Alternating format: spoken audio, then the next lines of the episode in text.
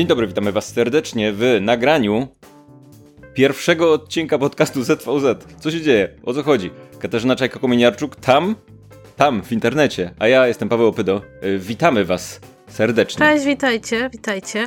Bardzo nas miło widać. Bardzo nas miło widać, bardzo was tak, miło dobrze, dobrze widzieć, idzie. Widzieć, no. słyszeć, mówić do was. Prawie mi się udało pełne zdanie wygłosić bez pomyłki. Wracamy do tradycji tego podcastu, czyli nie umiemy się przywitać nigdy. Yy, słuchajcie, tak naprawdę, jeżeli kogoś ominęło ogłoszenie, to jest pierwszy odcinek ZVZ w zupełnie nowym formacie, dlatego że setowaliśmy numerację. To jest odcinek nagrany z gośćmi. I tutaj brawa dla naszej wirtualnej publiczności. Słuchajcie, jest tutaj przynajmniej 300 osób w tym momencie na e, naszym Discordzie. Jak wejdziecie na zvz.pl/klub, jeżeli z tego słuchacie normalnie, to możecie się dowiedzieć, na czym polega nasz nowy pomysł. Więc mamy publiczność, z którą możemy się podzielić tym podcastem jego nagraniem na żywo, i której opinię możemy usłyszeć w trakcie, czy przeczytać w trakcie. Fajnie, że tutaj jesteście. A mamy też taki specjalny próg na naszym Patronajcie. Są to sponsorzy tytularni naszego podcastu i ZVZ teraz wspierają szczególnie mocno Mediafan i Guzik z projekt Islandia.pl, Weronika z podcastu Mało Powiedziane i Krzysiek Kotkowicz. Yy, więc słuchajcie, jeżeli chcecie, brawa, brawa, słuchajcie, dostajemy brawa na czacie w tym momencie. Jeżeli chcecie dołączyć do tego zacnego grona, to zapraszamy. Jest super i będzie też yy, specjalna rzecz, którą nagramy później. Jest to dodatkowy, bonusowy odcinek o nazwie ZVZ+. W sensie to nie jest nazwa odcinka, to jest nazwa naszego nowego formatu. ZVZ+, tylko dla osób, które są w klubie. Mamy nadzieję, że to będzie super i będzie ekstra i będziecie się świetnie bawić. To jest, yy, to jest, yy, wow, jestem podekscytowany. Kasiu, jak się czujesz? Co z tobą?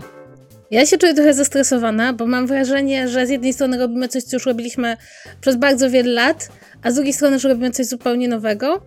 Ale przyznam Wam szczerze, że jak myślałam sobie teraz, o czym chcemy teraz rozmawiać, jaki mamy pomysł na ten podcast i też o tym ZVZ, do którego wrzucimy wszystkie nasze drobne skargi, pomysły, to widzieliśmy, co myślimy, no to kurczę, zapowiada się coś naprawdę fajnego. Więc taka trochę jestem zestresowana, trochę podekscytowana, ale to podobno najlepsza mieszanka. Tak, wiesz co, y, ja mm, żyję ostatnio generalnie, Kasiu, w takim poczuciu zbliżającej się katastrofy. tak, tak ogólnie. W sensie Ogólnie, ale to wiesz, tak. jest 2022 rok, jakbyś nie żył w poczuciu zbliżającej się katastrofy, to znaczy, że wiesz... To znaczy, że jesteś... nie żył prawdopodobnie, wiesz? Albo, że jesteś na Marsie. Słuchaj, tak, bo ja mam tak. taki piękny segway. O Jezus, do, do segway, naszego... nie, tylko nie to, o nie. Ale, nie, ale potrzebne są ładne segwaye. Czuję, czuję, że to będzie to. Dobra, To będzie to. W dzisiejszym odcinku rozmawiamy, Kasiu, o, o czym, o kim, o jakich wydarzeniach? Mówimy o Ilonie Masku i o jego zakupie Twittera, a także o tym, co to właściwie znaczy, e, że miliarder może sobie kupić no, takie social medium, e, takie miejsce w internecie, w którym ludzie wymieniają się myślami, poglądami politycznymi, informacjami i jak nowy sposób zarządzania tymi treściami może wpłynąć na bardzo wiele rzeczy, od pewnych percepcji, pewnych zjawisk społecznych, e, po nawet decyzje polityczne. Bo jest trochę tak, że my zapominamy bardzo często, kiedy wchodzimy na te social media, że tam za nimi stoją ludzie, którzy mają różne pomysły na to, jak to będzie wyglądać, które informacje będą do nas docierać, a które nie. I jak dużo o tym mówiono, prawda, w perspektywie, no, chociażby sprzedawanie naszych danych, informacji, cała Cambridge Analytica, to był taki moment, kiedy sobie uświadomiliśmy, ile my wkładamy w te social media, jak można to wykorzystać, to chyba jeszcze nigdy nie mieliśmy takiego poczucia, że to ja, decyzje jakiejś jednostki miałyby wpływać na to, co będziemy widzieli e, w social mediach.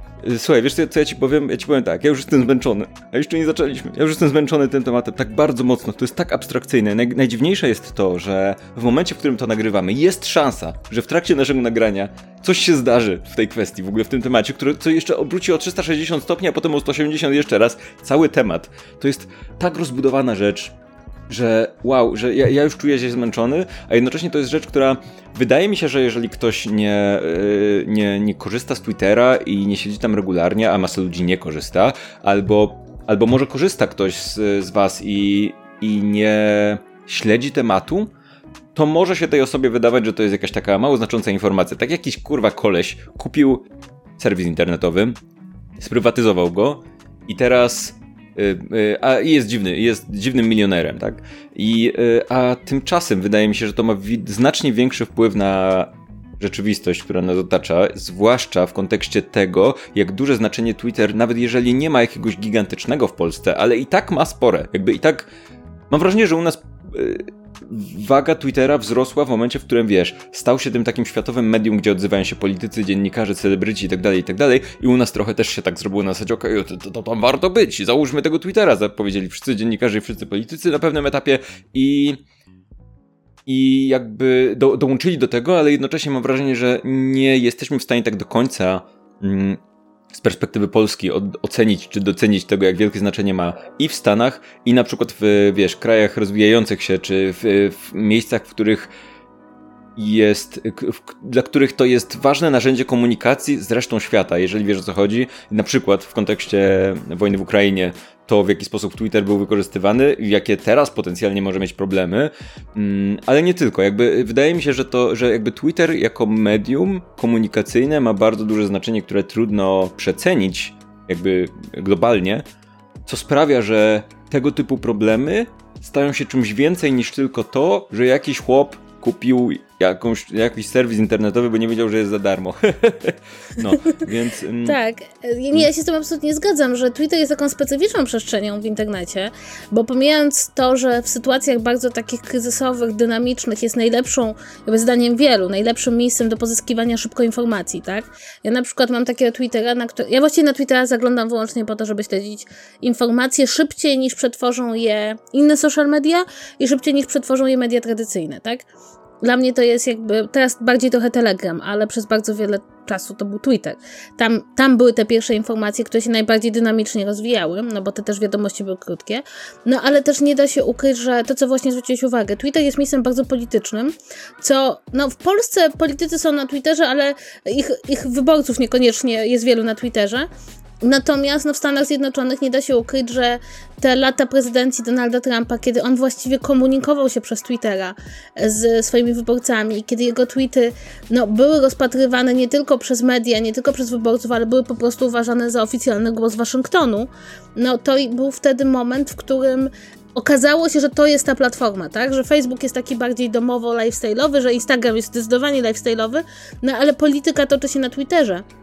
I zresztą, kiedy się patrzy właśnie na te największe kontrowersje e, wokół tego, co się dzieje po przejęciu Twittera, ze zmianą e, decyzji e, dotyczących moderacji, z przywróceniem konta Donalda Trumpa i innych zbanowanych polityków, twórców, no to, to nie są problemy z zakresu tylko i wyłącznie finansowego czy lifestyle'owego, to są także problemy polityczne chociażby słynne akta Twittera, które stwierdził, że Elon stwierdził, że udostępni, sugerując jednocześnie, że po prostu Twitter zmanipulował wyniki wyborów prezydenckich w Stanach Zjednoczonych, jakby nie dopuszczając głosów konserwatywnych, e, banując konserwatywne tweety, e, co jeśli znamy sytuację w Stanach Zjednoczonych, gdzie wciąż część republikanów nie chce się zgodzić z wynikami wyborów e, prezydenckich, które wygrał Joe Biden, kiedy no, jesteśmy jednak w kraju, który miał no, niemalże zamach stanu, e, próbę zamachu stanu, no to, to jest bardzo niebezpieczne. A jeśli nie jesteście w temacie, to okazuje się, że w czasie kampanii prezydenckiej e, na Twittera wyciekły e, nagie fotki Huntera Bidena. To jest taki sprawiający straszne problemy syn Joe Bidena. I e, kampania, jakby ludzie, przedstawiciele kampanii wyborczej Joe Bidena poprosili Twittera o to, żeby no ograniczył rozpowszechnianie tych zdjęć, tak? Na co Twitter przystał, bo i tak łamało to zasady tej platformy. No ale to pokazuje, jak bardzo polityczny wymiar ma cała ta sytuacja. Mhm. Ola pisze coś takiego. Twitter jest jedynym miejscem, gdzie można napisać szybciej niż specy od PR sprawdzą i powiedzą, że to może nie najlepszy pomysł.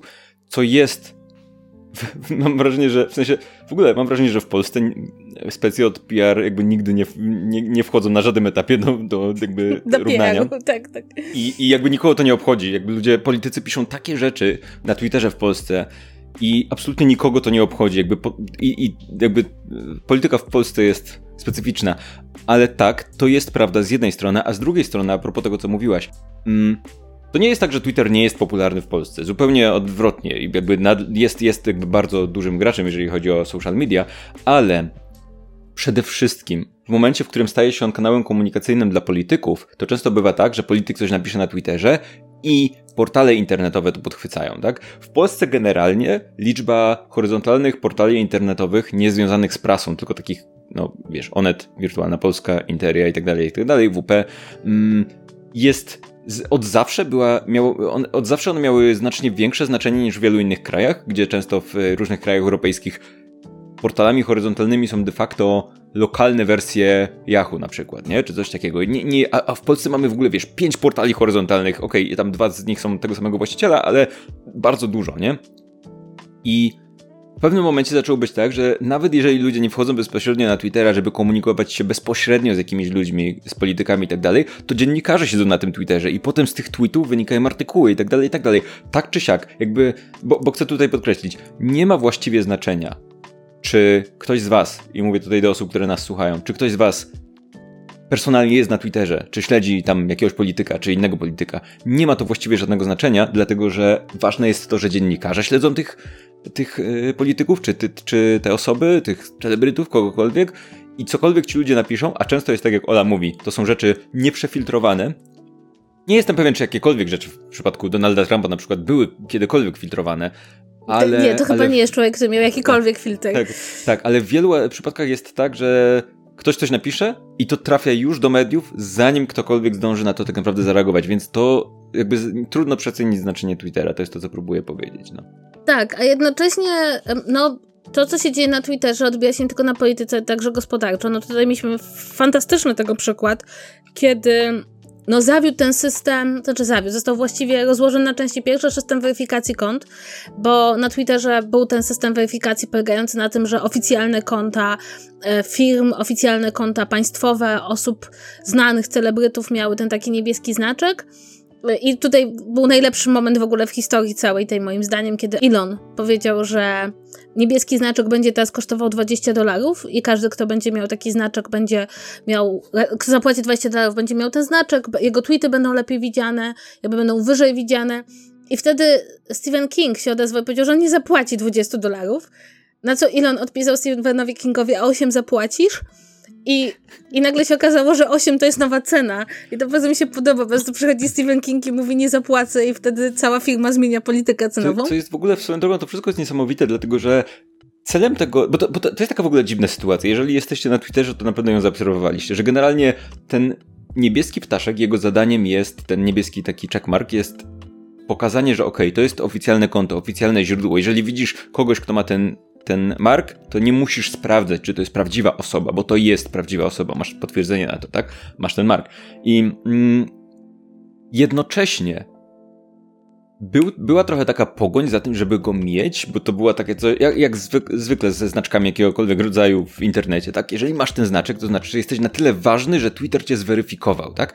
Co sprawiło, że w pewnym momencie w ogóle było tak, że Twitter, i to dawno temu, tak? Ogłosił, że w ogóle przestaje przyznawać te marki teraz i, i czy wyłączył możliwość zgłaszania się i proszenia o nie, co sprawiło, że że wiesz, bo tak naprawdę na jakiej etapie, na, w, jaki, w jaki sposób możesz ocenić, czy dana osoba, bo to, bo to jakby tak, z jednej strony to była weryfikacja, tak? A z drugiej strony to było podkreślenie, że okej, okay, ta osoba jest ważna, tak?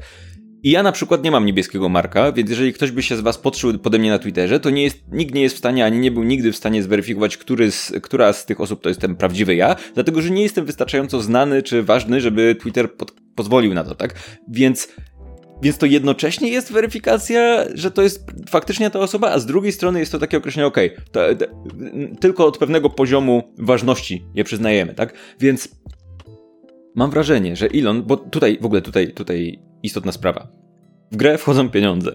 W grę wchodzą tak. pieniądze i gigantyczne długi, które zaciągnął Elon na rzecz de facto Twittera, w sensie to jest teraz dług Twittera. Nie chcę tutaj wchodzić w kwestie finansowe, ale generalnie to, są, to jest tam kilkadziesiąt miliardów dolarów, które technicznie y, kosztowało, kosztował zakup tego serwisu, pożyczki od banków, jakieś takie, więc, więc trzeba szybko zarobić pieniążka. Y, w związku z czym Elon prawdopodobnie uznał, ej, słuchajcie, to skoro wszyscy chcą ten niebieski znaczek, no to zróbmy z niego po prostu rzecz premium, tak, dla subskrybentów Twitter Blue. Co niestety, problem jest taki, że Zapomniał, że jest na Twitterze. Ta sama funkcja, to jest coś zupełnie innego, zweryfikowanie, okej, okay, to to medium jest faktycznie oficjalnym profilem, ta osoba faktycznie jest oficjalnym przedstawicielem tego czegoś i tak dalej, a czym innym jest powiedzenie, ok, ta osoba ma Twittera Premium. Jakby to jest zupełnie dwa różne znaczniki. W związku z czym, tak. wiesz, najlepsze jest to, że to zostało jakby efekt był dokładnie taki, jaki wszyscy mogli się spodziewać, tak? Czyli gigantyczna masa fejkowych kont z potwierdzonymi znaczkami, w związku z czym wyniknęły z tego różne sytuacje, począwszy od tej firmy produkującej lek na Insulinę. Insulinę, y, która, której fejkowe konto ogłosiło, że teraz ten lek będzie za darmo, w związku z czym ich prawdziwe mm, y, y, notowania giełdowe zaczęły spadać. Bardzo dobra robota, ktokolwiek to zrobił. Zbijam tak, tak. E, tak, tak. To samo było z jedną ze firm zbrojeniowych, które także ktoś się pod nie poczuł. Ktoś się poczuł pod Nintendo i pokazał Mario robiącego faka. Mhm. Co chyba było jednym z takich większych skandali. W każdym razie rzeczywiście to dosyć szybko stało się olbrzymim zamieszaniem. E, obecnie mamy na Twitterze trzy rodzaje znaczników. Jest złoty znacznik, szary znacznik i niebieski znacznik. Jest to taka próba przywrócenia trochę ładu i porządku. I ten złoty i szare znaczniki mają pełnić mniej więcej tą funkcję, którą kiedyś pełnił ten niebieski, czyli weryfikować oficjalne konta przedstawicieli państwowych, polityków, no ale, ale także firm. E, natomiast kolejną jakby, de, i, to, i to był taki pierwszy przykład na to, że trochę tam się taki chaos e, zaplątał na tego Twittera i to wszystko rzeczywiście, zgadzam się, Paweł ma tutaj 100% racji, wynika też z tego, że Twitter musi zacząć na siebie zarabiać, musi w ogóle zacząć zarabiać, a Twitter wcale nie był bardzo zyskownym biznesem, bo to jest jeszcze w ogóle bardzo ciekawe, jak długo i z jakim powodzeniem można prowadzić takie social media, kiedy tak naprawdę Twitter nie był bardzo dobrym biznesem, miał bardzo dużo reklam e, i, i przynosił straty wręcz. Mhm. A to w ogóle jest, wiesz, to jest, to jest też e, powszechna kwestia w e, takich około startupowych, nowych biznesach, gdzie, gdzie często pieniądze wydawane na rozwój są tak duże, że one przynoszą straty, ale tak naprawdę nikogo to jakby nikogo to nie obchodzi, tak? Bo to jest inwestycja długoterminowa. To, może nie nikogo to nie obchodzi, na pewno kogoś obchodzi, na pewno nie jest tak, że nie ma nikogo. Mm, więc, e, ale, ale tak, jakby to, to jest dziwna sytuacja, w której tak naprawdę w ogóle może powinniśmy się cofnąć do, do samego, y, samej sytuacji zakupu, dlatego że jeżeli ktoś z Was nie śledził tematu, to generalnie w takim dużym uproszczeniu to wyglądało tak, że Elon Musk najpierw kupił, kupował akcje Twittera i w momencie, w którym stał się wystarczająco ważnym akcjonariuszem i mógł zapewnić sobie miejsce w zarządzie, to stwierdził, że on kupuje tego Twittera i potem powiedział, że nie kupuje tego Twittera, więc Twitter go pozwał za to, że powiedział, że kupuje bo, bo tak nie można. Nie możesz powiedzieć, że coś kupujesz, a potem się wycofać. On się w ogóle wycofał, dlatego że powiedział, że jest dużo botów na Twitterze i nie chcą mu powiedzieć, ile tych botów jest, w związku z czym oni stwierdzili, że go pozwą i wtedy on powiedział, że no to dobra, to kupi. I, więc to jest... To, więc jak, jak, jak zakup serwisu wygląda w ten sposób, to czego się można spodziewać? wiesz, to wygląda jak, jak dziecko, które przychodzi i chce kupić lizaka w sklepie. Tak. Jakby to dosłownie tak wygląda, nie? I masz takie, okej, okay, to, to da, co będzie dalej? Jak, jak będzie dalej, nie? Tak, zresztą, zresztą prawda jest taka, że kiedy patrzymy na te decyzje, no to one się one przede wszystkim wyglądają niesłychanie chaotycznie, tak? No bo tutaj mamy chociażby sytuację, w której zostało zwolnionych bardzo dużo osób. Bardzo dużo osób zrezygnowało po tym, jak Elon powiedział im, że będą musieli bardzo ciężko pracować, zapierdalać. Więcej pieniędzy nie dostaną, ale powinni spać w kwaterze głównej. Były takie sytuacje kompletnie komiczne, kiedy no, był problem, bo gdzieś po drodze zostali zwolnieni ludzie odpowiedzialni za e, jakby przyznawanie wejść do, do budynku Twittera. Jakby nie można było nikogo wpuścić ani wypuścić, bo tam ci ludzie, którzy to znali, e, zostali zwolnieni, więc było bardzo dużo takich momentów, które były dosyć zabawne, e, ale gdzieś pod tym całym, no, można powiedzieć trochę komedią, która się tutaj zrobiła wokół wokół zmian w filmie, pojawiło się także bardzo dużo rzeczy, które są, no, no w pewien sposób niepokojące. To znaczy, Chociażby fakt, że Elon e, przedstawia się jako taki wielki zwolennik wolności słowa i jako człowiek, który chyba bardzo mocno uwierzył w swój geniusz, e, bo chociażby, nie wiem, robił na swoim koncie na Twitterze, gdzie jest obserwowany przez 120 milionów osób, robił sondaże dotyczące tego, jak ma wyglądać przyszłość Ukrainy, jak ma, kto ma wdawać broń i kto ma podpisać jaki pokój. Przy czym, jeśli człowiek się wczytał chociażby w sposób sformułowania tych sondaży, już pomijając fakt, że nie mających żadnego sensu, no to chociażby korzystał tam ze sformułowań, które są bardzo dobrze znane z rosyjskiej propagandy, więc jakby tu jest ten problem, tak, że nagle Twitter powoli zaczyna być miejscem, w którym nie tylko jest śmiesznie, ale też dzieją się rzeczy dosyć niepokojące z takiego, no, światopoglądowego punktu widzenia. Tutaj mm, wydaje mi się, że warto sięgnąć, no bo mm, mogą się pojawiać takie pytania. O co tutaj chodzi? Czy ten koleś, będący niesamowitym miliarderem, jest debilem? Czy to jest jakiś wielki spisek? Czy, czy Putin płaci za to, y, żeby y, Elon Musk kupił Twittera, a potem go zniszczył? Co tu się dzieje? Przecież. I, I wiele osób cały czas mówi: przecież ten typ jest mądry, miał nas wysłać gdzieś tam na Marsa, miał. To jest, wymyślił prąd. Wymyślił, wymyślił elektryczne samochody, wymyślił PayPala, wymyślił pieniądze de facto. Gość jest geniuszem. Tymczasem jakby, nie, powiem ci tak, zadam ci pytanie.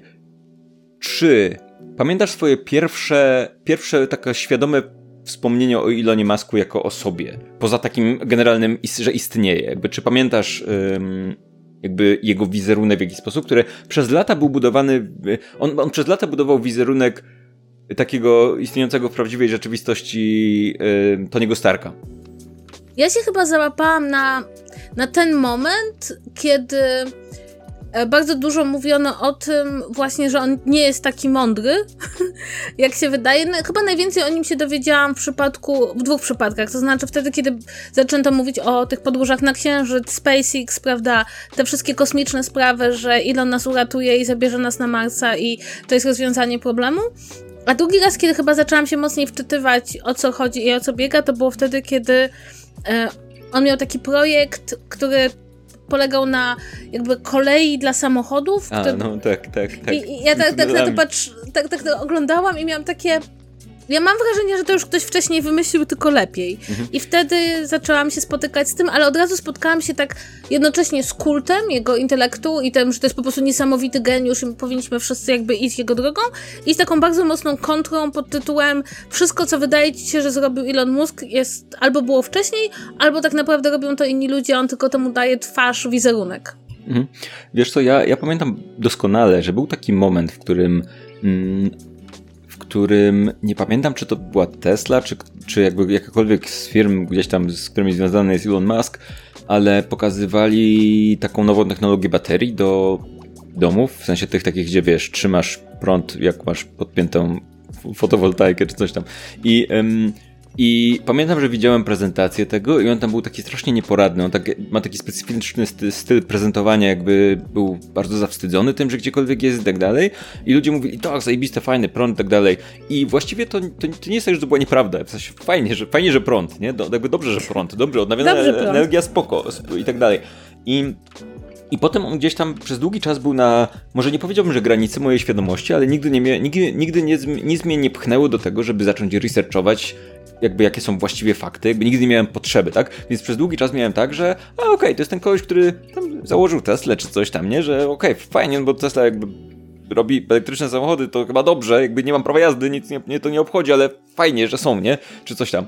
Um, potem się okazało, w sensie właściwie y, z, z czasem zaczęło być takie, okej, okay, czy ten gość jest legitny, nie? W momencie faktycznie Hyperloop, mm, czyli, czyli tunel dla samochodów, którym jeżdżą bardzo wolno. nie wiem. E, I, I wtedy zaczęło się tak mówić, okej, okay, okej, okay, czy ten koleś na pewno jest tym geniuszem, którym się przedstawia? W sensie, nigdy nie uważałem, że on jest inaczej, nigdy nie, spra- nigdy nie powiedziałem sprawdzam w przypadku Ilona Maska, tak wcześniej. Po prostu założyłem, założyłem, że jeżeli koleś jest szefem Tesli i wszyscy mówią, że założył Teslę, to pewnie założył tą Teslę. Jakby dlaczego miałbym nie sprawdzać? Potem się okazuje, że właściwie wszystkie rzeczy, które on, i tutaj robię cudzysłów w powietrzu palcami, wymyślił, właściwie te wszystkie te rzeczy to były biznesy, które on zainwestował, potem, nie wiem, zwolnił ludzi, którzy to wymyślili. Więc to jest pewien problem.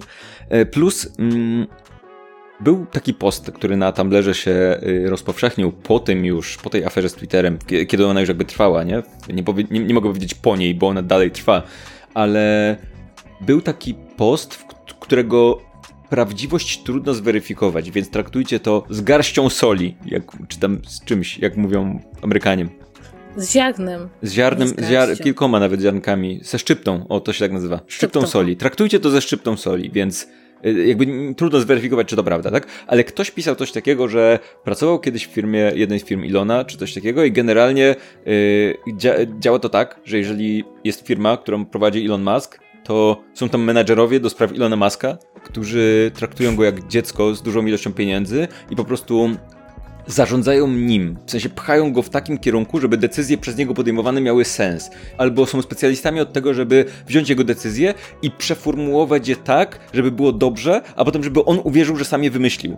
I trudno zweryfikować rzeczywiście, czy to jest prawda. To wydaje się sensowne, patrząc na rzeczy, które się dzieją wokół, tak? Ale jednocześnie um, znam takich ludzi autentycznie znam ludzi, może nie, na, nie, nie z taką potęgą finansową i tak dalej, ale z mojego doświadczenia zawodowego, że tak powiem, znam osoby na różnych szczeblach zarządzania, którymi właściwie się zarządzało, tak? Wszystkich różnych dyrektorów, którzy mieli zachcianki, którzy przychodzili i wszyscy mówili, mm, mm, tak, tak, a potem trzeba było te zachcianki przeformułować tak, żeby to miało sens, liczyć, że o niektórych zapomni, a ostatecznie jakby wprowadzić to tak, żeby ta osoba była pewna, że ona to wymyśliła, nie?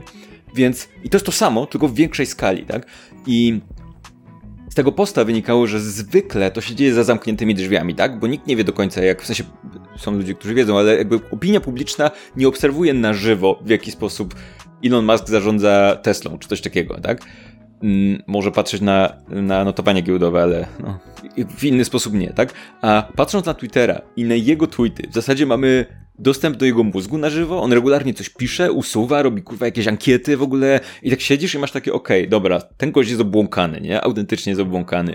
I myślę, że tu nie ma jakiejś głębszej teorii spiskowej, bo tu jeszcze pewnie przejdziemy do centryzmu Ilona Maska, a de facto prawicowości Ilona Maska, którą on twierdzi, że jest centryzmem, mm, czy symetryzmem, ale wydaje mi się, że tutaj teoria o tym, że tutaj jakaś, jakiś spisek, że to ma jakiś cel ważny, że, że ktoś tutaj ktoś próbuje ugrać i tak dalej.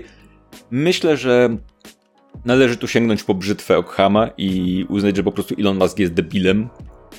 I jeżeli Elon Musk powtarza rzeczy, które mówi na przykład rosyjska propaganda, to prawdopodobnie dlatego, że przeczytał te rzeczy gdzieś i uznał mądre i powtórzył, tak? Jakby to, tak mi się wydaje, że możemy założyć że nie ma w tym żadnego ukrytego geniuszu i specjalnego planu, w którym on te wszystkie rzeczy robi z jakiegoś powodu świadomie, nie?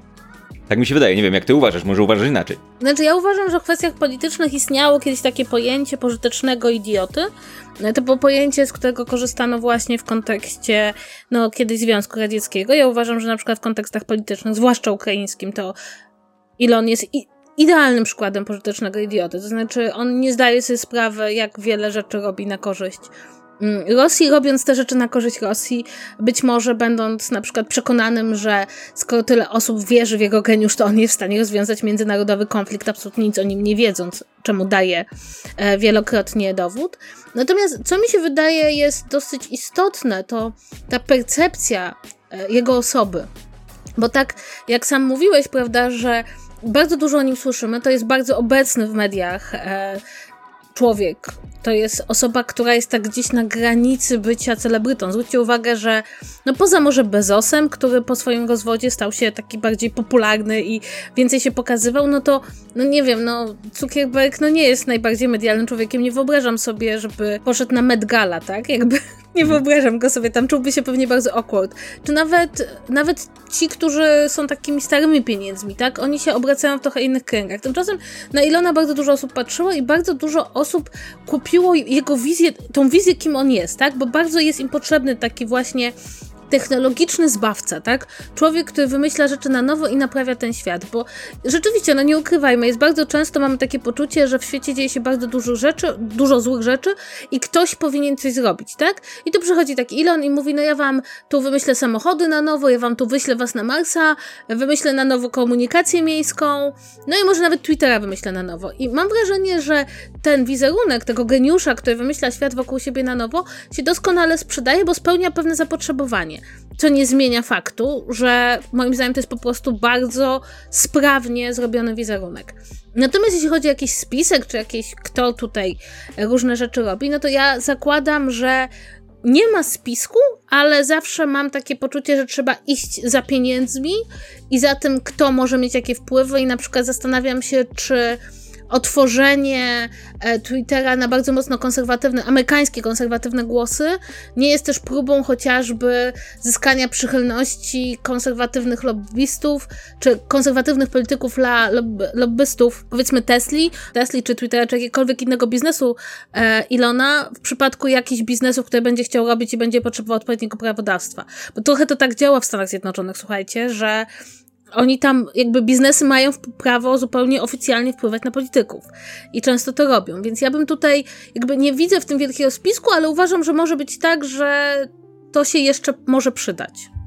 Kasia, nie wiem, czy w ogóle pamiętasz yy, film Iron Man 2. Marvelek, tak, dawno nie tak, było. Tak, Pamiętasz tak, scenę, jak tam tak. idzie sobie Tony Stark po restauracji i tam Elon Musk mówi, o cześć Tony, nie chcesz porozmawiać o prądzie? A Tony mówi, mmm, kurczę, ty to jesteś, Elon. No cześć, cześć. I tam potem idą dalej. Pamiętasz to? Tak, rzeczywiście. Znaczy, nie pamiętam, ale teraz sobie przypomniałam, bo mi powiedziałeś, że to było. Wiesz co, gdzie my się, za... gdzie myśmy, co się wydarzyło od drugiego Ironmana? Jakby inny świat. Mhm, tak, tak, kompletnie. I zobacz, nikt wtedy nie zareagował na to oburzeniem. Wyobraź sobie, gdyby to dzisiaj nastąpiło, tak? Ludzie by się śmiali z tego, jakby byłoby, kurwa, co się dzieje, o co chodzi, nie? A wtedy, kurczę, ja, ja nie wiem skąd się wzięło, wziął, wziął ten pomysł, w sensie, czy to było tak zaplanowane, czy po prostu on wierzy w to, że jestem geniuszem i zbawcą. Trudno czytać jego Twittera i nie uznać, że on w to wierzy. Na jakimś etapie, że przynajmniej to uwierzył. Mm, więc i, i to, jak jak szybko mam wrażenie to się, to, to zaliczyło zwrot totalny, to wydaje mi się istotne, a jednocześnie wiesz, wiesz co jest, mam taką, taką, taki hot take, niezbyt hot ten take jest, ale mam. Letni take masz. Mam taki chłodny take, że chłodny take. symetryzm jest rzeczą, która wydaje się inteligentna, jeżeli jesteś debilem. To jakże piękne, jakże piękne zdanie. To znaczy tak, symetryzm tak, bo jeśli chodzi o centrowość, no to tutaj możemy się kłócić, co kto hmm. rozumie przez centrowość, bo jakby ja uważam, że większość ludzi ma bardziej centrowe poglądy niż nie, nawet jeśli identyfikują się z myśleniem prawicowym czy lewicowym. Natomiast symetryzm, rzeczywiście zgadzam się z tobą, że taki, tak samo zresztą jak mm, coś, co z kolei też uważa, że uprawia, czyli absolutna wolność słowa jakby taka no, absol no, tak. to znaczy, absolutna wolność słowa to jest w ogóle e, bardzo zabawne, ponieważ absolutna wolność słowa została przywrócona przez Ilona na Twitterze po tym, jak zdjął bany e, Donaldowi Trumpowi, Kanye Westowi, e, Jordanowi Petersonowi i, i kilku innym osobom, które zostały e, zbanowane. Potem Kanye dostał tego tweeta, po prostu na chwilę wrzucił e, gwiazdę Dawida wpisaną w swastykę i się skończyło się rumakowanie. A potem, a potem chyba dzisiaj, kiedy to nagrywamy, e, okazało się, że Bana dostał chłopak, który śledził prywatny odrzutowiec Ilona, któremu Ilon proponował pieniądze, żeby on przestał to robić. A, a chłopak powiedział, że nie, że on tego nie robi dla pieniędzy, on to robi dla transparentności działań e, miliarderów i dostał bana, więc e, to też jest jakby bardzo, bardzo mnie to bawi. To jest, to jest też taka dziwna sytuacja, dlatego że Elon, to, to, jest, to jest rzecz. Elon napisał dosłownie chyba dzisiaj w, w kwestii tego, że ktoś napadł na samochód, w którym jechało jego dziecko o imieniu X, to dziecko, więc jakby, ale przejdźmy, przejdźmy dalej z tym. I że jakby, że nie powinno się tak robić. I z jednej strony, jakby wydaje mi się, że to jest w ogóle temat na inną dyskusję, tak? Na ile śledzenie y, samolotu Ilona Maska jest czymś obiektywnie społecznie ważnym, wartościowym, a na ile to może być potencjalnie niebezpieczne i, i generalnie nie powinno się robić czegoś takiego wobec kogokolwiek to, to wydaje mi się, że jest temat obok, ale inna sprawa jest taka, że ja nie wiem, czy to się zdarzyło, dlatego że Elon nie pierwszy raz wykorzystuje rzeczy w rodzaju, o, był taki moment, w którym on w ogóle napisał, że jego, jego dziecko zmarło w jego rękach, czy coś takiego, a potem jego matka tego dziecka powiedziała, że to w ogóle nie jest prawda, czy coś tam. Więc, więc jakby w, Elon Musk może mówić rzeczy i jakby to jest, to jest jeden z tych, jedna z tych osób, które są w stanie po prostu kłamać w żywe oczy wprost i wymyślać rzeczy tylko dlatego, żeby podeprzeć w jakiś sposób swoje argumenty, a jednocześnie, kurczę, mam wrażenie, że mm, to, to, to, o czym mówiłem przed chwilą, tak, że jeżeli jesteś, y, y, jeżeli jesteś debilem generalnie, to taka opinia w rodzaju, czy, to, czy, czy ci mają rację, czy ci Trzeba spojrzeć obiektywnie, jedna i druga strona ma swoje racje, nie ma, nie ma, nie ma czegoś tam, nie ma wolnej woli, nie ma subiektywizmu, jakby nie, nie, czy obiektywizmu nie, nie ma, tak każdy ma rzeczy, coś tam. I powiedzenie takie, no, no, tutaj nie można przesadzić w jedną ani w drugą, to się wydaje, tak siedzisz, myślisz sobie, kurwa, ale ta osoba jest zrównoważona, taka, wiesz, zrównoważona, jest taka, wiesz, y, to inteligentne spojrzenie, tutaj nie, nie, nie, nie, nie poddaje się emocjom i tak dalej, i tak dalej, nie? Ale jakby symetryzm jest autentycznie najgorszą rzeczą, jaka może istnieć chyba, mam wrażenie. Jakby nie, nie, nie wiem, czy jest gorsze, nie wiem, czy jest gorszy pogląd, bo to jest pogląd, który jednocześnie jest brakiem poglądu i jednocześnie jest kompletnie debilnym poglądem. Coś okej, okay, dobra, powiedzmy, że nazizm jest gorszy, nie? Ale nie, nie, ale myślę, że blisko. Myślę, że blisko. I myślę, że Elon wy, tro, trochę jakby poglądowo idzie w tym kierunku, w sensie przedstawienia rzeczy tak, żeby brzmiały mądrze, ale tylko jeżeli nie myślisz o tym zbyt długo. I myślę, że dużo osób to łyka. Mm, Czytam wasze opinie na temat Ilona e, w tym momencie.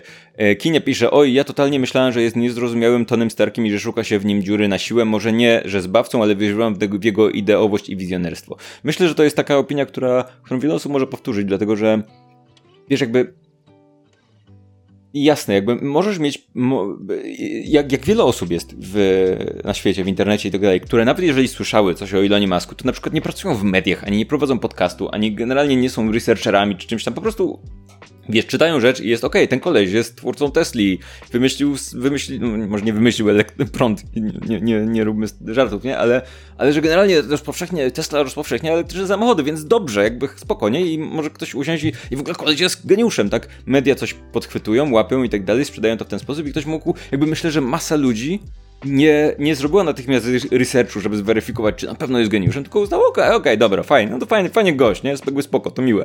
Mm, więc yy, Wika pisze, zawsze wydało mi się dziwny. To też prawda, wydaje mi się, że... Yy, a, ale to jeszcze nie sprawia, że że nie mo- że to nie wyklucza się z byciem geniuszem, nie? To jest taka, to jest taka dziwna kurczę, nie wiem, nie wiem, to mam wrażenie, że to jest taka bardzo dziwna sytuacja, w której on otrzymał, mam wrażenie, od mediów pewne, pewien stopień zaufania, na który dziś, jak się patrzy z perspektywy, to wydaje się być strasznie naiwne, bo jak się spojrzy na te wszystkie rzeczy, to wychodzi na to, no nie, koleś po prostu powiedział, że jest geniuszem i wszyscy wyknęli, że jest geniuszem i media powiedziały, że jest geniuszem, więc wszyscy myśleli, że jest geniuszem.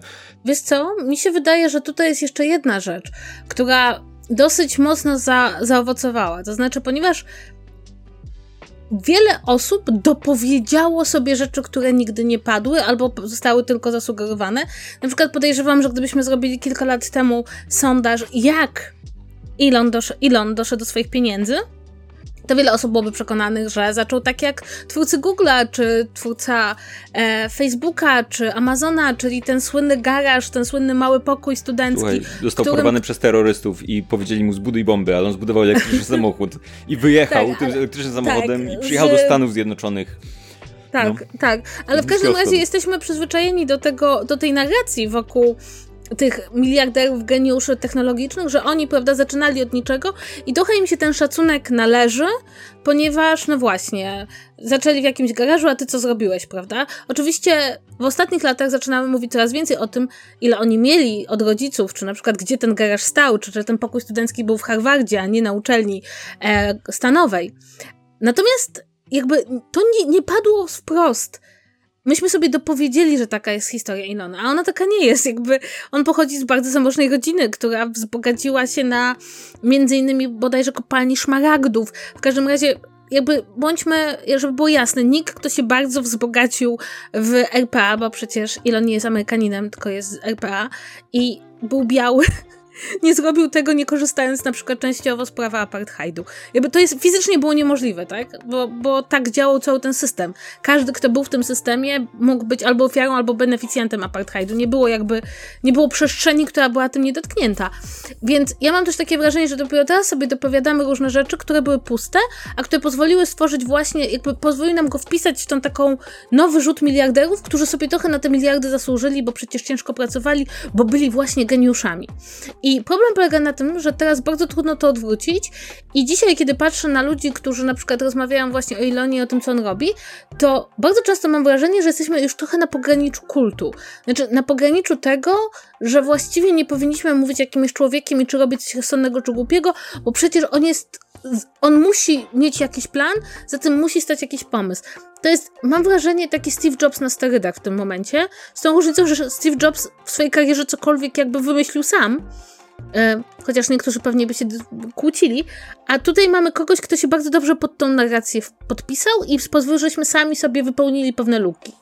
Mhm. Wiesz co, to Wydaje mi się, że tutaj jest taka, taka, takie kilka zakrzywień, które tutaj następują. Jedno z tych zakrzywień to jest to, że mam wrażenie, że coraz mniej tak jest, ale często logika ludzi jest taka, że okej, okay, ten ktoś jest miliarderem, zarobił te pieniądze w jakiś sposób, więc nie może być kompletnym debilem przecież, no nie?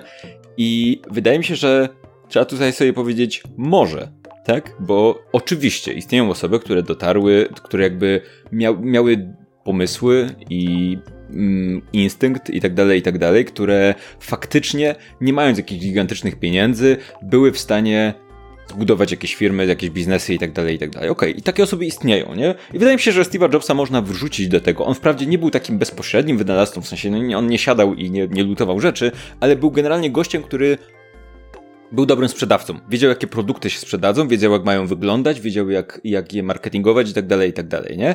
I, mm, i yy, tutaj Ola pisze, Steve Jobs umarł i zamroził swój wizerunek, zanim miał okazję go sobie zniszczyć aż tak. Wręcz powiedziałbym, że przeciwnie. W sensie Steve Jobs. Nie, to, to tutaj jest. On strasznie trochę... zniszczył wizerunek. Słuchajcie, to jest trochę off-top. Zanim ale... był internet. Walter Isaacson napisał e, biografię Jobsa po tym, jak Jobs poprosił go o napisanie biografii i zgodził się na to, żeby dać mu autoryzację w ciemno. Więc ta, ta biografia jest autoryzowana i bardzo momentami nieprzyjemna. I jakby mówi o wszystkich rzeczach. Ja jakby w jakimś stopniu szanuję y, Jobsa za to, że nawet jeżeli był w wielu aspektach bucem, to przynajmniej był bucem, który jakby starał wiedział, się z tym pogodzić, bucem. wiedział, że jest bucem i jakby nie ukrywał tego w jakiś sposób.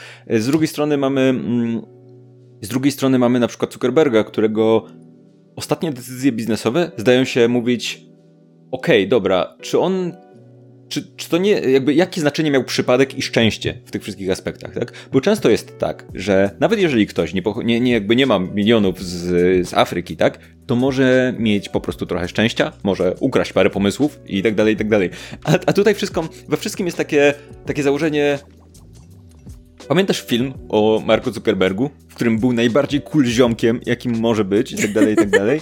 I mamy ten taki kult, wiesz, chcę, chcemy mieć takich gości, którzy siedząc, wymyślili rzecz, pojawia się żarówka nad ich głową, a potem, yy, a potem Yy, wiesz, ta rzecz powstała i super, i, i, mają miliony i tak dalej, i tak dalej. Chcemy mieć tego Tonego Starka, chcemy mieć tego tam Zuckerberga, geniusza, który jest yy, wprawdzie trochę awkward, ale ma genialne pomysły i tak dalej, i tak kurczę, wydaje mi się, że tutaj, że, że trzeba patrzeć na takie tematy jednostkowo i z bardzo dużym dystansem. I, I nie możemy zakładać, że jeżeli ktoś ma pieniądze, to znaczy, że jest w jakiś sposób geniuszem. I tutaj akurat zróbmy, po, pozwolę sobie zrobić taki loop, dlatego że Steve Jobs, on powiedział coś bardzo mądrego kiedyś, wydaje mi się, i to jest coś, co, co co wydaje mi się ciekawą myślą i w sensie nie, nie jest jakaś super odkrywcza, ale wydaje mi się, że w tym kontekście jest ciekawa, że nigdy nie widzisz jakby drogi, którą idziesz w momencie, w którym ją idziesz. Widzisz ją dopiero jak ją przejdziesz i obrócisz się i zobaczysz, że do miejsca, w którym jesteś teraz, doprowadziła cię seria małych decyzji, nie? I wydaje mi się, że miliarderzy y, i ich, ich zespoły PR-owe chciałyby budować taki wizerunek, że gość po prostu wpadł na pomysł i wymyślając ten pomysł już wiedział, że to jest genialny pomysł i że ten jeden pomysł zmieni świat. Tymczasem myślę, że żaden pomysł tak nie powstaje, nikt nie siedzi i nie myśli tak, o kurwa, to będzie to, będę milionerem za parę lat, bo coś tam.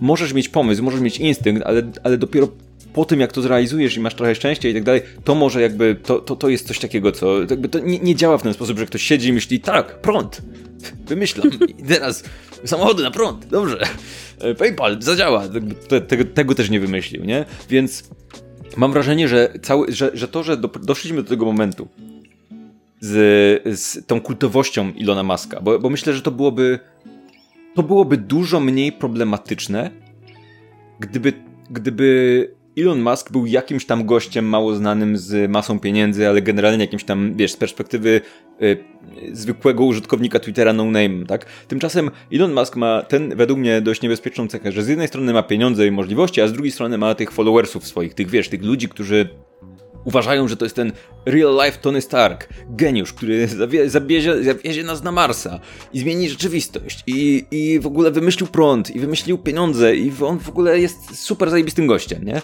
I wydaje mi się, że to sprawia, to, to, to jakby jest na wielu poziomach niebezpieczne, nie? Raz, że jakby poziom krytyki wobec takiej osoby jest dużo mniejszy, bo, bo ma, ma, ma tych, ten cały, tą całą masę ludzi, którzy wiesz, cokolwiek napisze, to mówią dobrze, dobrze i będą się, oni się będą kłócić za niego, tak? E, z drugiej strony masz, masz e, wiesz, masz powszechny wizerunek i tak dalej jego, który dla wielu osób jest, jest dobry, a z trzeciej strony masz to, że wszystkie takie głosy jakby budują jemu jego własny w sensie wiesz, myślę, że na niego mocno wpływa na to, ile osób uważa, że jest geniuszem. Na jego tak. personalne tak. decyzje, tak? On to robi publicznie, jest masa ludzi, którzy to obserwują. I on ewidentnie wierzy w to wszystko, o czym Tak, mówię. i to zresztą bardzo widać. To znaczy, ostatnio był taki przypadek, gdzie Dave Chappelle zaprosił go w czasie swojego stand-upu na scenę. Chappelle jest takim obecnie dosyć mocno kontrowersyjnym komikiem. Jest jednym z najpopularniejszych komików w ogóle w Stanach Zjednoczonych. E, przez lata była za nim taka legenda, kiedy robił genialne show, e, Dave Chappelle Show i nie zdecydował się go kontynuować, bo to był jakby jedyny przykład w historii chyba kultury popularnej, kiedy ktoś nie doił dojnej krowy. W każdym razie ostatnio Chappelle jest dosyć kontrowersyjny, jakby są kłótnie, czy jego stand-upy mają wymiar transfobiczny, czy nie.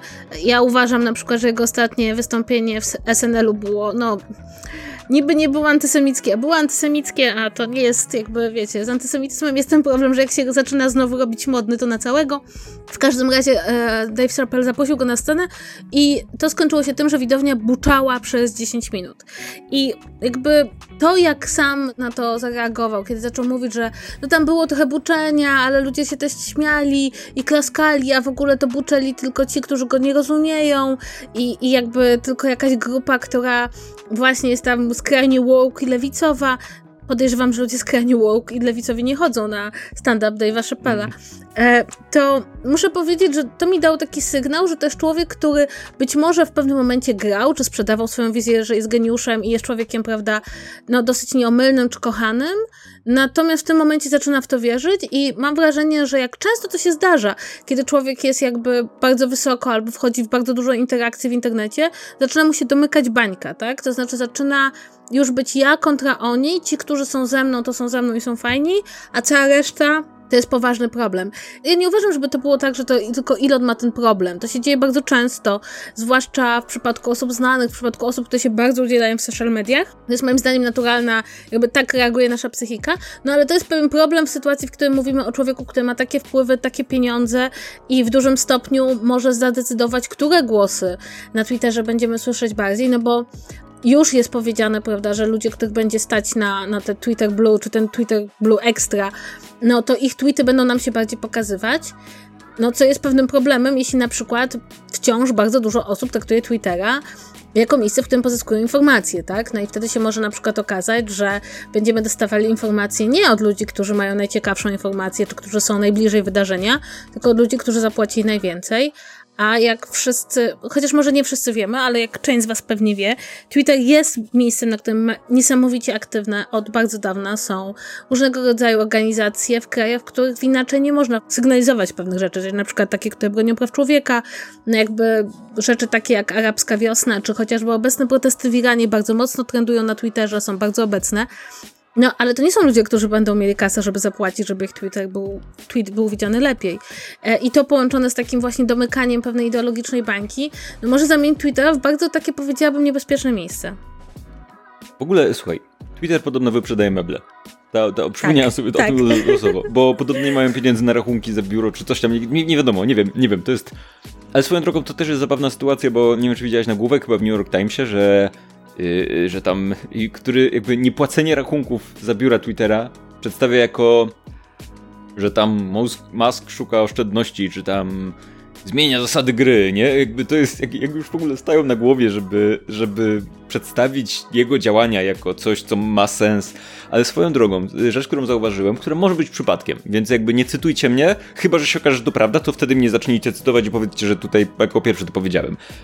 Co jakiś czas sprawdzam tweety Ilona Maska i klikam je i zobaczę, co się dzieje pod spodem. I przez długi czas było tak, że pod każdym z nich był jakiś totalny wylew beki z niego. Po czym od dosłownie paru dni pod każdym tweetem Ilona Maska, cokolwiek on napisze, są ludzie, którzy toczą bekę z ludzi woke, że z lewicy i tak dalej. Generalnie y, supporterzy Maska. Czy to jest jakaś zmiana w algorytmie, czy to czysty przypadek, ale jakby inaczej, powiem tak, to jest na tyle wyraźne u mnie przynajmniej było, że mnie to zaskoczyło, tak, bo wszedłem po raz kolejny po memy z Elonem Maskiem, tak, a tymczasem dostaję ludzi, którzy go popierają pod tymi tweetami. Czy ludzie, którzy go krytykowali, już się znudzili i przestali krytykować, teraz zostali już tylko ci, którzy go popierają? Trudno powiedzieć, więc no. No to pamiętaj, że trochę osób podeszło z Twittera potem i wydaje mi się, że być może część osób, które tak się śmiały z Ilona, właśnie są w tej grupie, która odeszła najaktywniej. Mhm. Sylwia pisze, to jest bardzo niebezpieczne w sumie, bo teraz rozmawiamy o tym, że Musk jest głupi, debil, kupił Twittera, robi idiotyzmy, a potem Musk zostanie politykiem i zacznie działać na jeszcze większą skalę. Pytanie, czy to zrobiłoby jakąkolwiek różnicę. W sensie, co, wydaje mi się, że to zostanie politykiem w jego przypadku byłoby zejściem poziom niżej. Tak, to tak. nie jest tak, że to byłoby poziom wyżej, to jest tak, że on raczej Właśnie problem polega na tym, w jaki sposób on może dzięki Twitterowi kontrolować polityków albo kontrolować to na większą skalę niż to, że on tam zostanie, nie wiem, gubernatorem czy coś takiego, jakby whatever. Niech, niech tam będzie sobie gubernatorem czegoś tam. To, jaki to może mieć potencjalnie wpływ na politykę w wielu krajach, nie tylko w Stanach, jest jakby trudne do przecenienia na tym etapie. Nie? W połączeniu z tymi wszystkimi rzeczami, o których mówimy, waga Twittera, no kurczę, to jest potencjalnie duży problem, który jakby trudno na niego, trudno przymknąć oko na niego, uznać, a jakiś tam serwis internetowy, nie? I to mogą być takie efekty, których, wiesz, nie zobaczymy, tak? Jest szansa, że będziemy siedzieć i będzie tak, no dobra, no okej, okay, Twitter działa, możemy sobie pisać tweety, coś tam, Kasia napisze, wrzuci mema, ja tam napiszę, że, że Kasia. No nieśmieszne. Nie, nieśmieszne. Generalny Twitter, po prostu, tak na, na tym polega Twitter. Po czym tak naprawdę efekty tego wszystkiego, jeżeli sytuacja się ustabilizuje, bo wiele, wiele osób twierdzi, że sytuacja na pewnym etapie po prostu Elon Musk się znudzi, jak mu się znudzi, wymyśli sobie nową rzecz do zabawy, nową zabawkę, to odda tam przywództwo tam komuś, zatrudni jakiegoś CEO i, i coś tam będzie się działo, nie? Ale myślę, że te efekty takie niewidoczne na pierwszy rzut oka są bardziej istotne w tym wszystkim, tak? Jaki to będzie miało wpływ na politykę, jaki będzie miało wpływ na, na wolność słowa i tak dalej, i tak dalej faktyczny. I to jest to, wydaje mi się, że jest troszkę przerażające. Tak, tutaj warto zaznaczyć, że musimy zmienić sposób myślenia o miliarderach, bo nie, nie o milionerach, tylko o miliarderach, o tych największych przedsiębiorstwach, bo obecnie mówi się, że one są silniejsze od państw i to jest prawda. To znaczy, Państwa są w dużym stopniu uzależnione od tych korporacji, to są olbrzymi pracodawcy, oni tutaj mają mnóstwo pieniędzy i dla nich zejście do polityki nie ma sensu. Polityka można odwołać, polityk musi zarządzać, polityk może się skompromitować.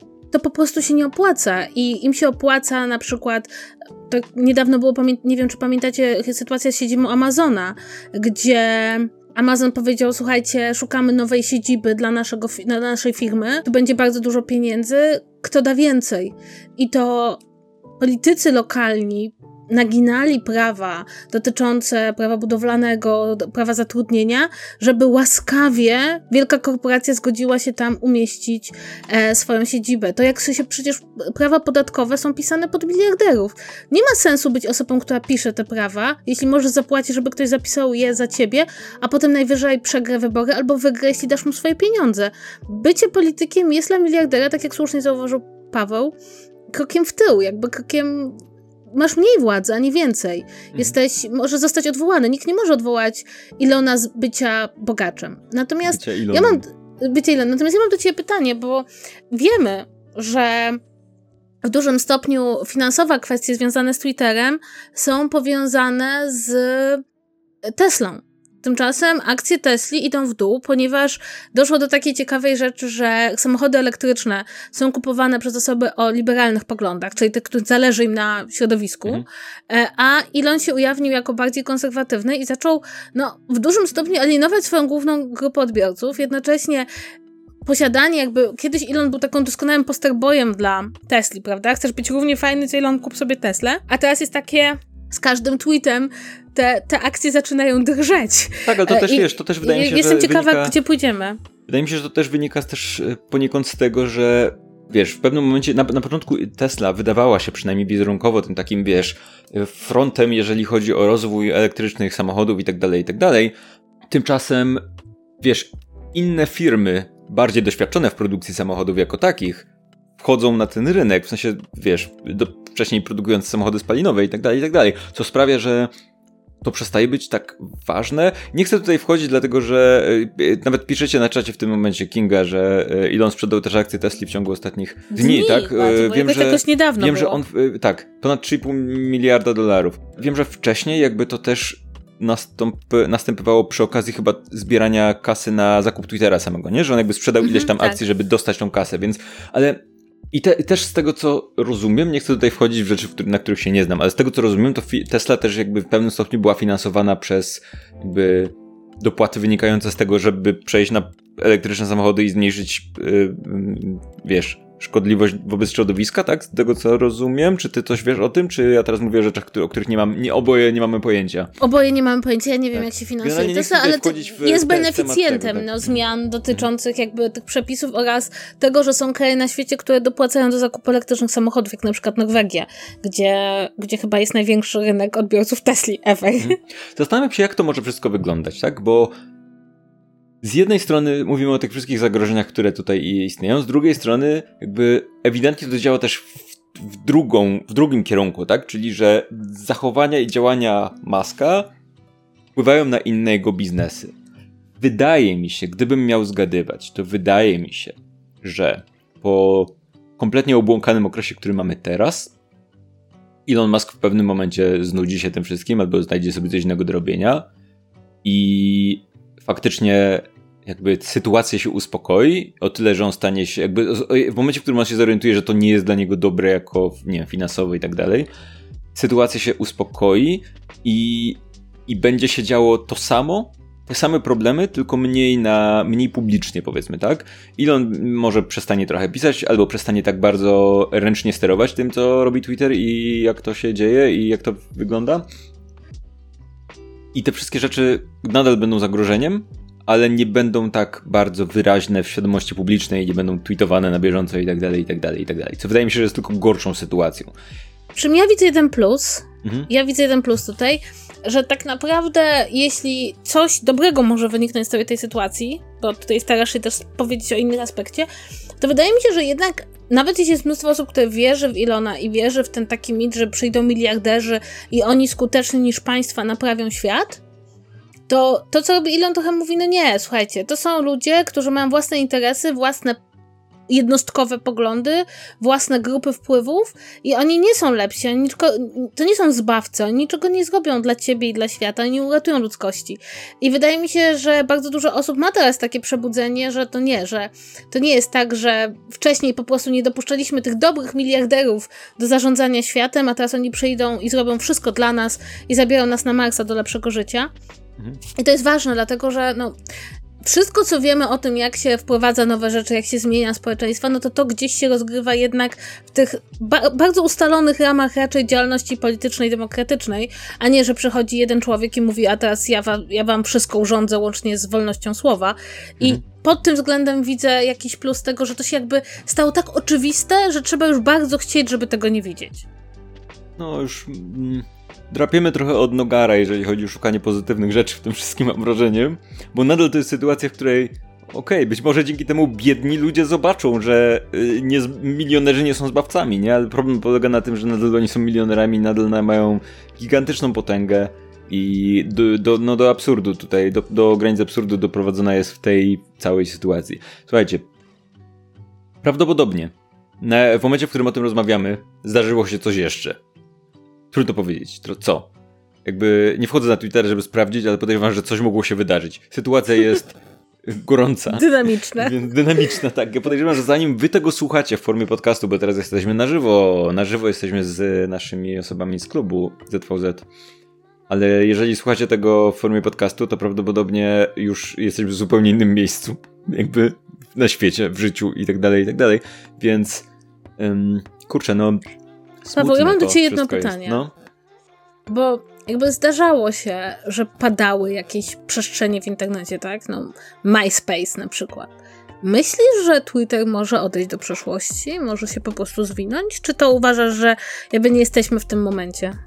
Wiesz co, myślę, że wszystko może nastąpić. Może nastąpić coś takiego. W sensie to byłoby wyjątkowo obłąkane, gdyby Elon Musk doprowadził do tego, jakby gdyby ego Elon... To, to wiesz co, ja wyobrażam sobie, że ktoś mógłby z tego zrobić taki algorytm na zasadzie, jeżeli ego Elona Muska jest większe niż ileś tam, to doprowadzi do zniszczenia Twittera. Jakby w którym momencie on się zatrzyma, trudno powiedzieć, ale wyobrażam to sobie. Zwłaszcza, że istnieją według mnie miejsca w internecie, które mogą potencjalnie mieć znaczenie i uważam teraz, nie mówcie nikomu. Nie mówcie tego nikomu, co ja teraz powiem. Uważam, że jeżeli chodzi o social media, to największy potencjał w tym momencie ma Discord jako miejsce. To znaczy, nie mówcie nikomu, dlatego że jeszcze masa ludzi i marketingowcy przede wszystkim się nie zorientowali, jakie znaczenie ma Discord, tak? Ale dla młodszych odbiorców Discord jest tym miejscem, do którego uciekają z Facebooka dużo często. W sensie, może nie z, dosłownie z Facebooka, bo może niektórzy z nich w ogóle z niego nie korzystali, tak? Ale Facebook jest tym miejscem, gdzie są wszyscy i są starzy ludzie, rodzice i tak dalej, i tak dalej. Discord jest tą taką siecią mniejszych społeczności, takich jak nasza, zpl klub, do której możecie dołączyć właśnie tam. I Discord wprawdzie nie ma tej takiej, wiesz, publicznej strony, nie możesz zrobić sobie tutaj swojego, yy, swojej serii wpisów, gdzie ktoś tam cię obserwuje i tak dalej, i tak dalej. Trochę inaczej to wygląda, ale wydaje mi się, że zaczniemy, pa, pa, że, że jakby Discord jest zapowiedzią pewnego trendu mniejszych społeczności, tak żeby nie mieć jednego serwisu, gdzie jest wszystko, publikuje się rzeczy i tak dalej. Wydaje mi się, że gdyby dzisiaj Discord stwierdził, hej, robimy profile publiczne, w sensie takie, że możesz sobie pisać posty i ktoś inny może cię obserwować jako użytkownika. Myślę, że mogliby coś takiego zrobić bardzo szybko, tak, bo mają jakby całą, cały mechanizm, tylko, tylko w sensie jakby cała platforma istnieje, tak, nie trzeba jej budować. Jest masa użytkowników, kwestia tylko dodaj możliwość followowania użytkowników i, i dodawania wpisów i bum, mamy zrobione.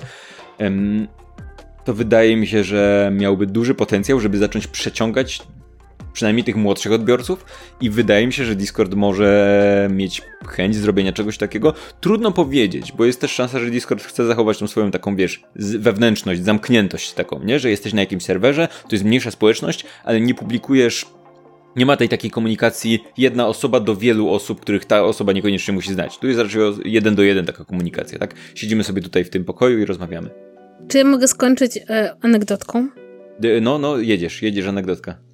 No bo kiedy Twitter zaczął tak no, być miejscem, z którego ludzie chcieli uciec, no to zaczęły się pojawiać pytania, dokąd uciec. I część osób doszła do wniosku, że może spróbuje wrócić na Tumblr.